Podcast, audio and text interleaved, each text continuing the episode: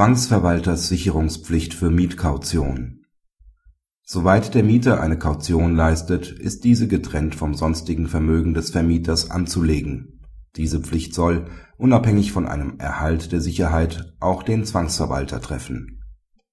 Der Mieter leistet die vereinbarte Sicherheit an den Vermieter. Als die Zwangsverwaltung angeordnet wird, händigt der Vermieter die Kaution nicht aus. Nunmehr begehrt der Mieter vom Zwangsverwalter deren Anlage der BgH gibt dem Mieter Recht. Er hat gegen den beklagten Zwangsverwalter einen Anspruch, dass die Kaution von dessen Vermögen getrennt bei einem Kreditinstitut angelegt wird, was sich daraus ergibt, dass der Zwangsverwalter nach § 152 Absatz 2 Zwangsverwaltungsgesetz in das Mietverhältnis in vollem Umfang eintritt. Zu der Übernahme der Pflichten des Vermieters rechnet auch die aus § 551 Absatz 3 BGB erwachsene Pflicht zur vom eigenen Vermögen getrennten Kautionsanlage.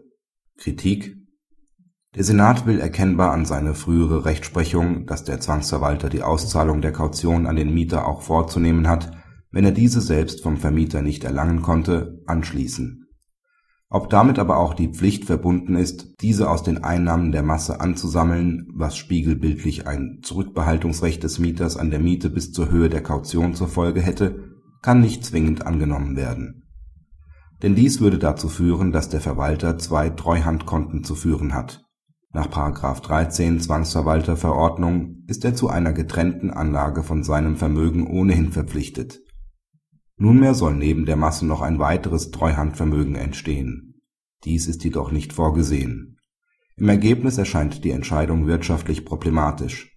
Das Mittel der Zwangsverwaltung als Vollstreckungsmaßnahme wird erheblich an Attraktivität verlieren wenn der Gläubiger befürchten muss, dass mit seinem Kosteneinsatz zunächst Rechte des Mieters abgedeckt werden